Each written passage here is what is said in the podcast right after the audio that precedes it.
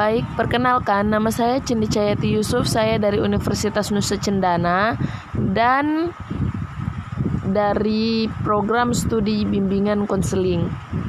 Saya dari semester 3 kelas B. Baik, di sini saya akan menjelaskan tentang perkenalan layanan bimbingan dan konseling.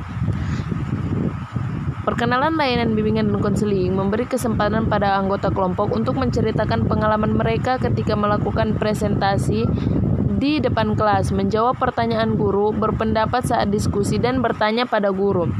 Konselor menjelaskan tentang dampak dari kecemasan komunikasi verbal dalam belajar. Identifikasi masalah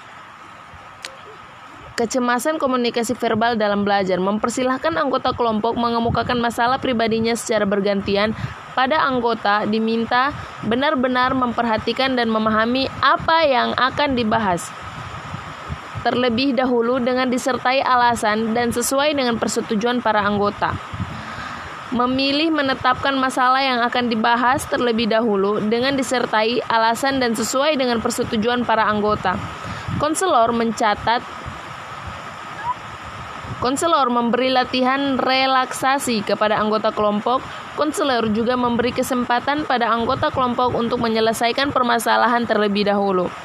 Baik, Konselor mendapatkan strategi yang sesuai dengan masalah konseli. Konselor memberi strategi desensifikasi sistematik dengan melakukan relaksasi kepada siswa. Siswa menerapkan strategi desentifikasi sistematik dengan cara membayangkan kondisi kecemasan dan dari terendah sampai tertinggi tentang kecemasan dalam berkomunikasi di dalam kelas. Siswa melakukan relaksasi saat kecemasannya muncul. Siswa menerapkan strategi desentisasi. Baik, mungkin hanya itu saja yang dapat saya sampaikan. Kurang dan lebihnya saya mohon maaf. Terima kasih.